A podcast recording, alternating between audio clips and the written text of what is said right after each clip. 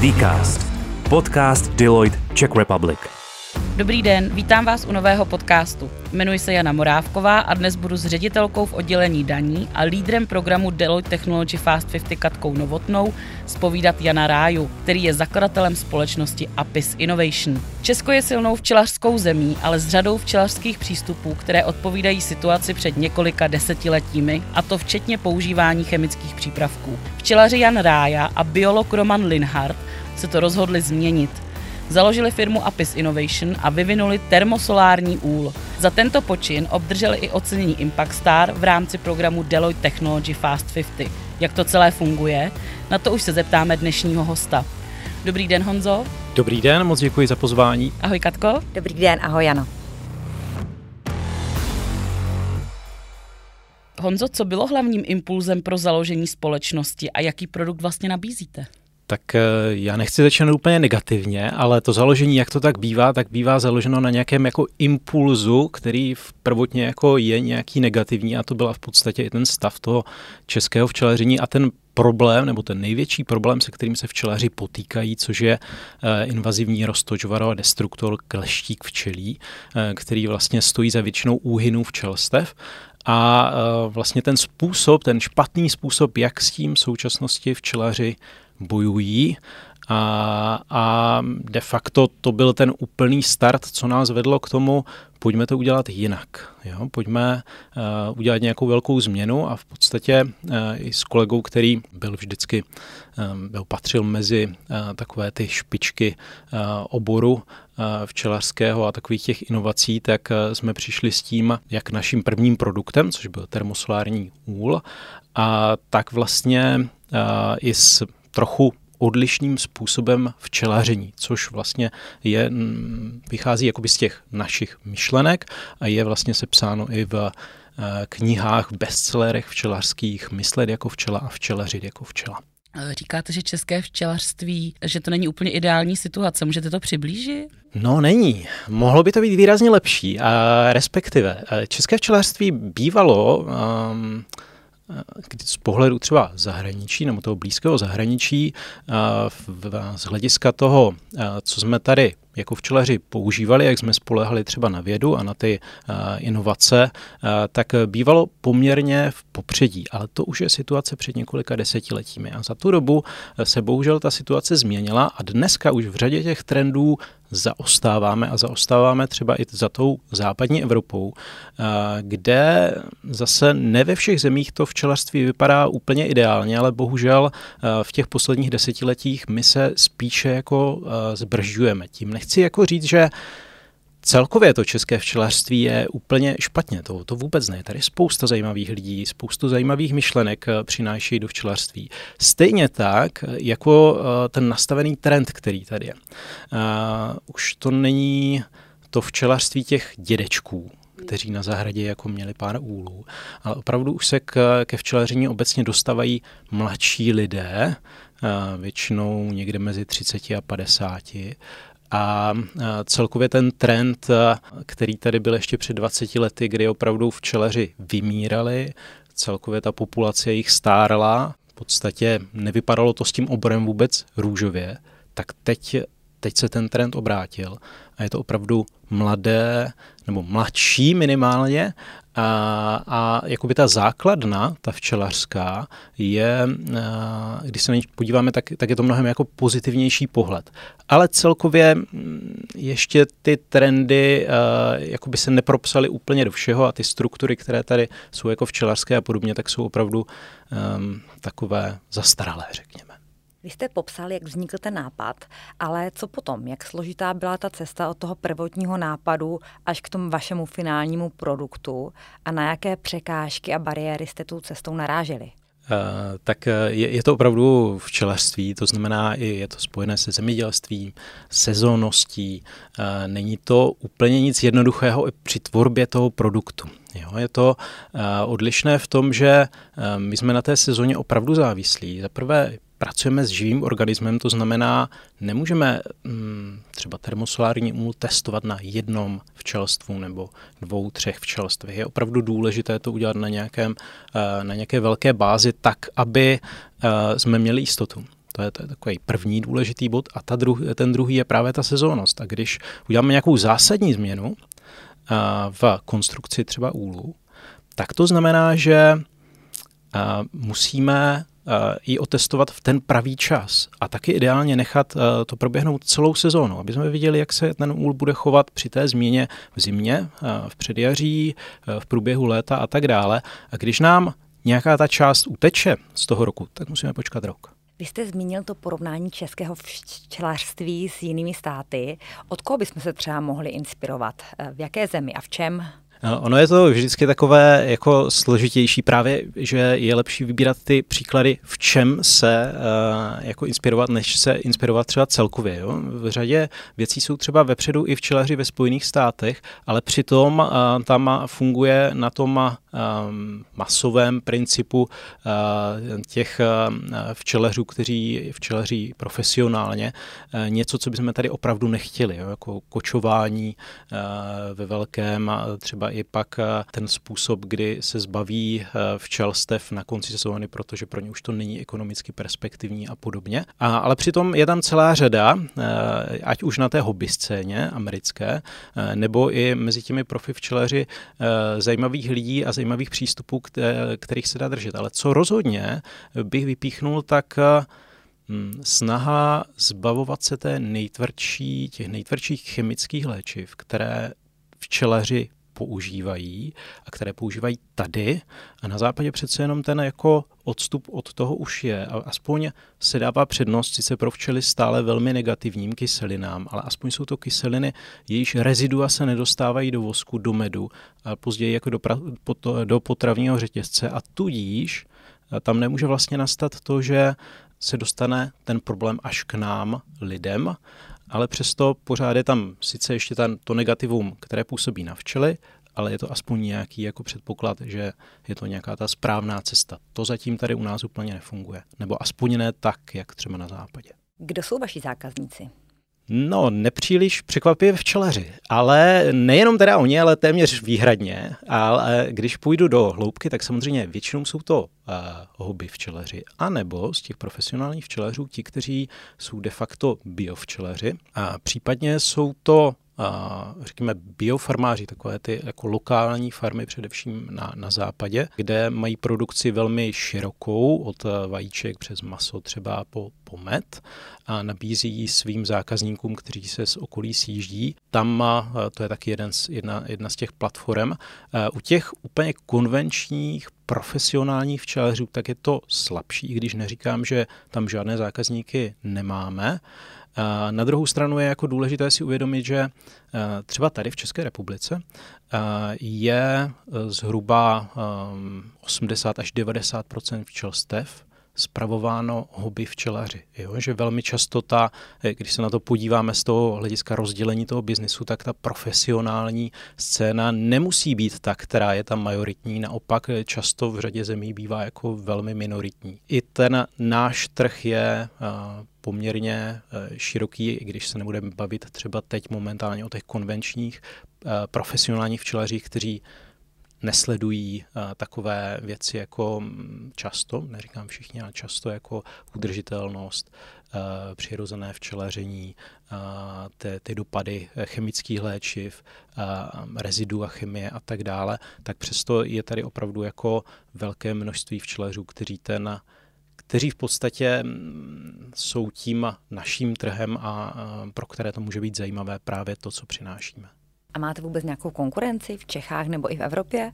Konkurenci máme. No, v prvé řadě jsou to ty chemická léčiva, protože včelaři jsou na ně opravdu navyklí velmi často, zvláště ti, kteří včelaři už delší dobu, tak řeknou, já už to používám 10, 20, 30 let. Takže to je, to je takový jako první, první problém, který řešíme, ale přece jenom tím, i jak se jako obměňují ty, ta generace včelařů, a tak přichází mnohem víc těch, kteří už nechtějí takhle fungovat. Ať už je to zatím z toho důvodu, že nechtějí, aby, řekněme, do včel dávali něco špatného, nebo z toho důvodu, aby třeba pak ten med, který konzumuje i jejich rodina, příbuzní, známí a tak dále, tak byl v, ně, v něčem negativní. A, a pak jsou to ještě další zařízení, která jsou, která využívají teplo, tak jako náš termosolární úl. My vlastně využíváme sluneční záření, transformujeme ho na tepelnou energii a hubíme toho roztoče varová destruktor vlastně za pomocí velmi mírně zvýšených teplot, protože on je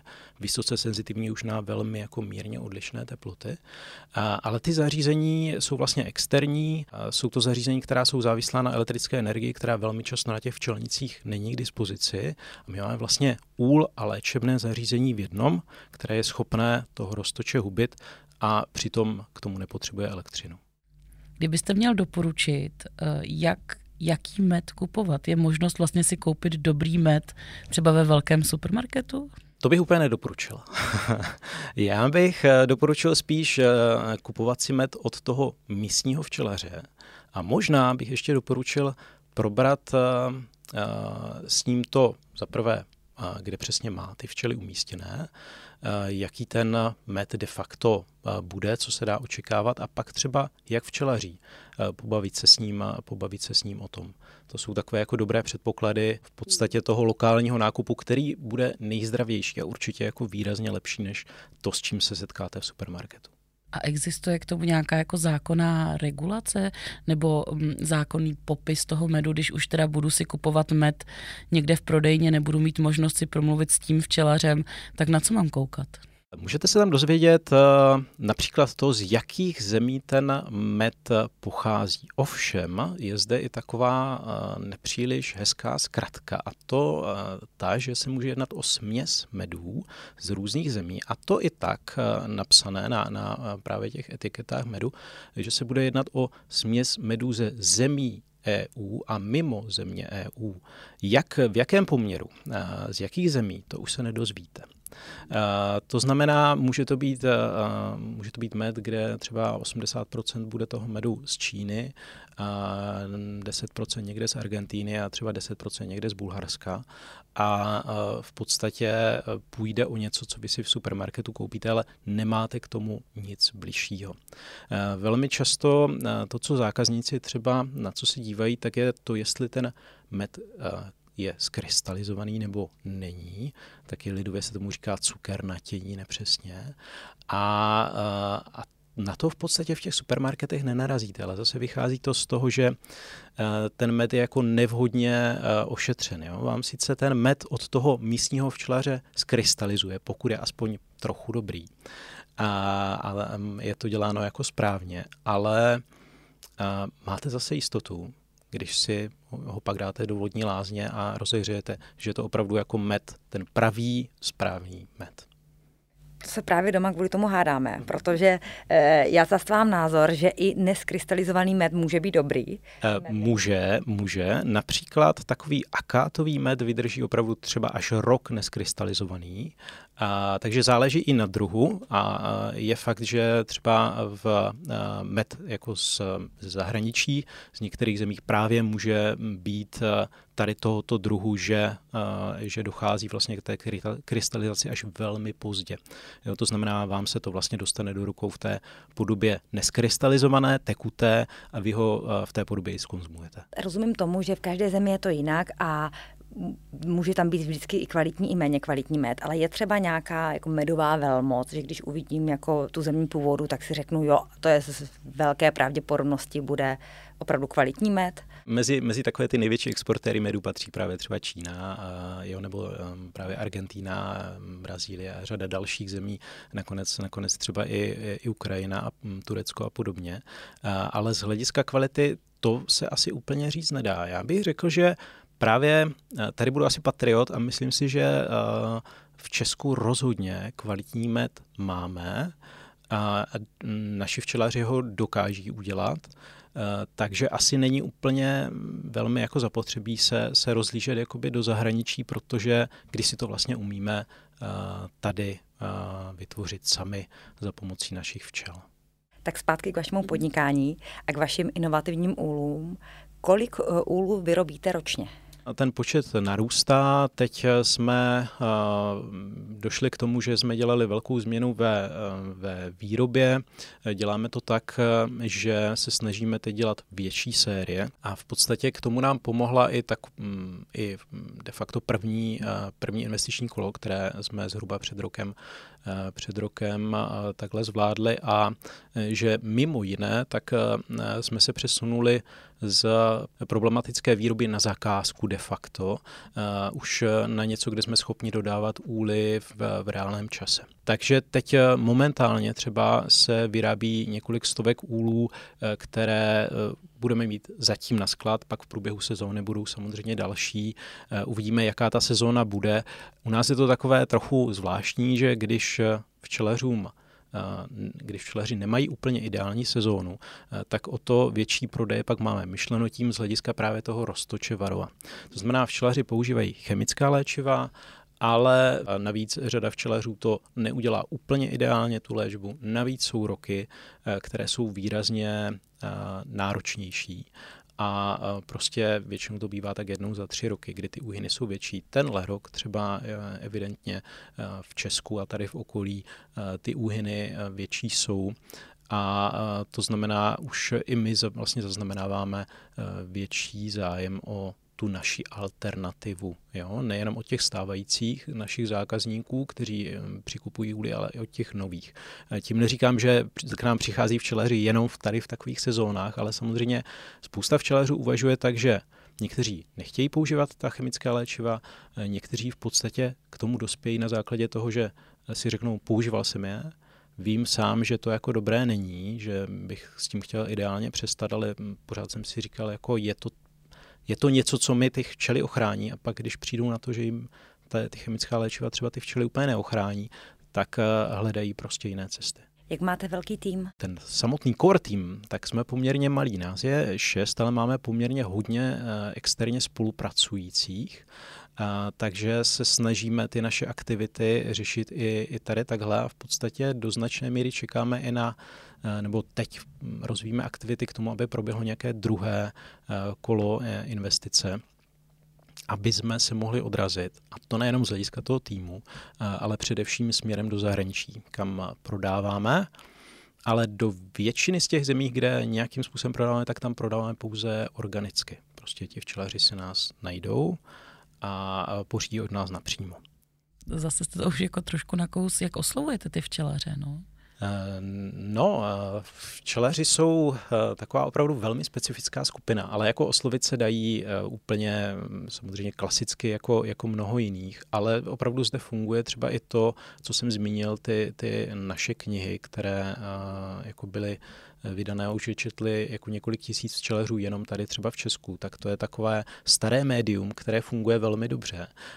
Stejně tak samozřejmě e, i ty modernější jako věci ve, ve směru online marketingu a podobně. Dá se se včelaři velmi dobře pracovat i v rámci různých kurzů toho, co vlastně včelaři velmi často vyhledávají, jo, tu, tu snahu jako vzdělávat se, doplňovat si ty informace. Když se budeme věnovat tomu investování, Můžete nám přiblížit, co vás teda teď čeká a jak těžké je oslovit investora, aby investoval do něčeho tak specifického? No samozřejmě ne, ne, neděláme nějaký software nebo něco takového klasického, to by asi bylo, bylo jiné, ale ten investor, který uh, do nás zainvestuje, tak musí aspoň nebo by měl aspoň minimálně se zajímat o ta témata udržitelnosti, o ta témata, která mm, v podstatě přináší nějaký dopad na přírodu, ekologii a tak dále. Nemusí to být vůbec včelař, i když pravdou je, že ten náš první investor včelař, houby včelař je.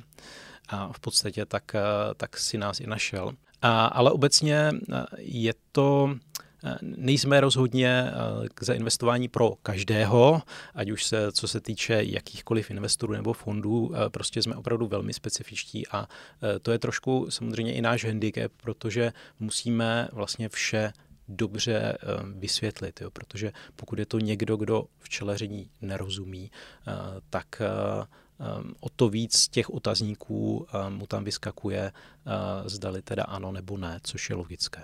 Eh, co do, do budoucna? Máte nějaké plány? Plánů máme spoustu.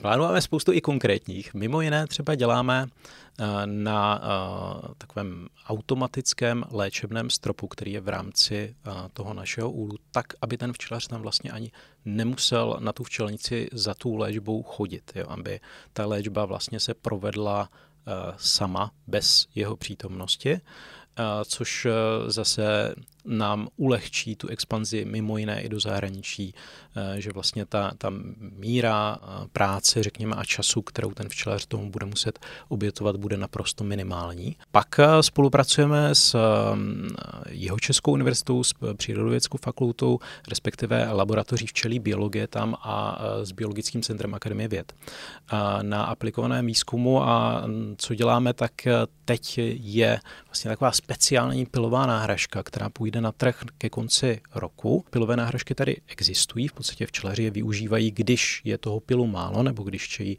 chtějí včely podpořit v rozvoji, aby byly dříve jako silné, vitální na, na sezónu. Ta naše pilová náhražka bude nejblíže pilu vrbí jívy, což je ten nejvýhodnější pil pro včelu medonosnou.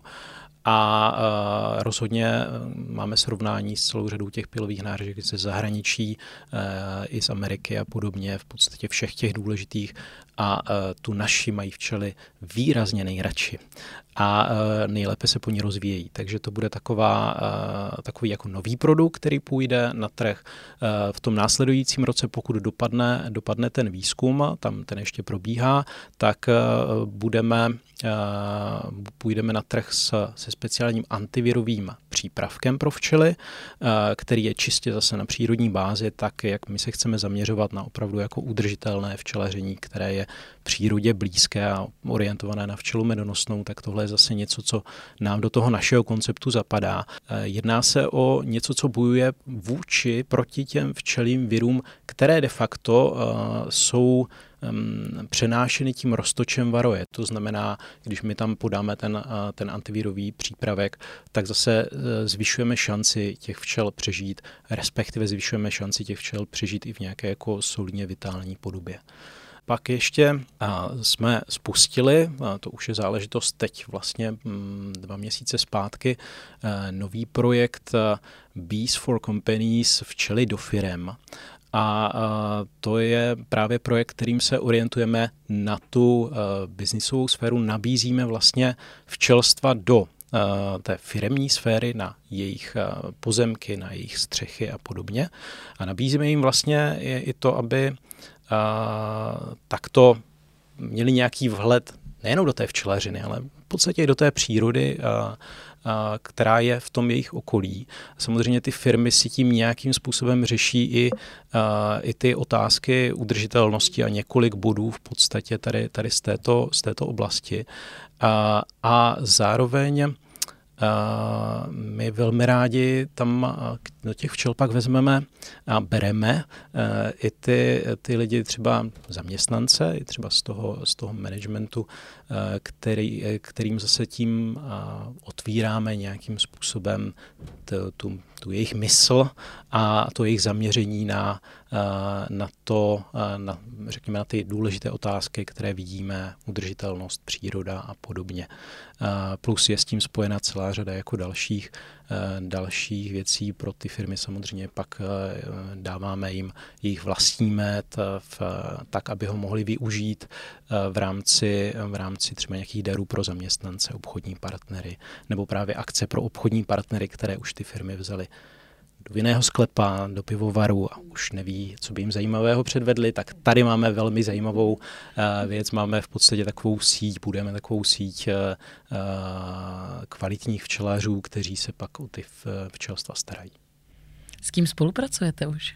No, začínáme. My jsme tak paradoxně začali v Velké Británii, takže tam, tam máme jednu uh, takovou velkou uh, pojišťovnu, která mimo jiné, takovou zelenou pojišťovnu, uh, která mimo jiné má e, síť e, nebo řadu solárních elektráren, tam to nemá tak negativní konotaci jako, jako třeba tady v Česku, takže tam ty termosolární úly jsou na těch solárních elektrárnách v podstatě různě rozesety po Anglii, jich několik a tady třeba teď momentálně začínáme spolupracovat s Toyotou v Kolíně, ale máme celou řadu dalších velmi jako zajímavých partnerů, se kterými teď momentálně jednáme.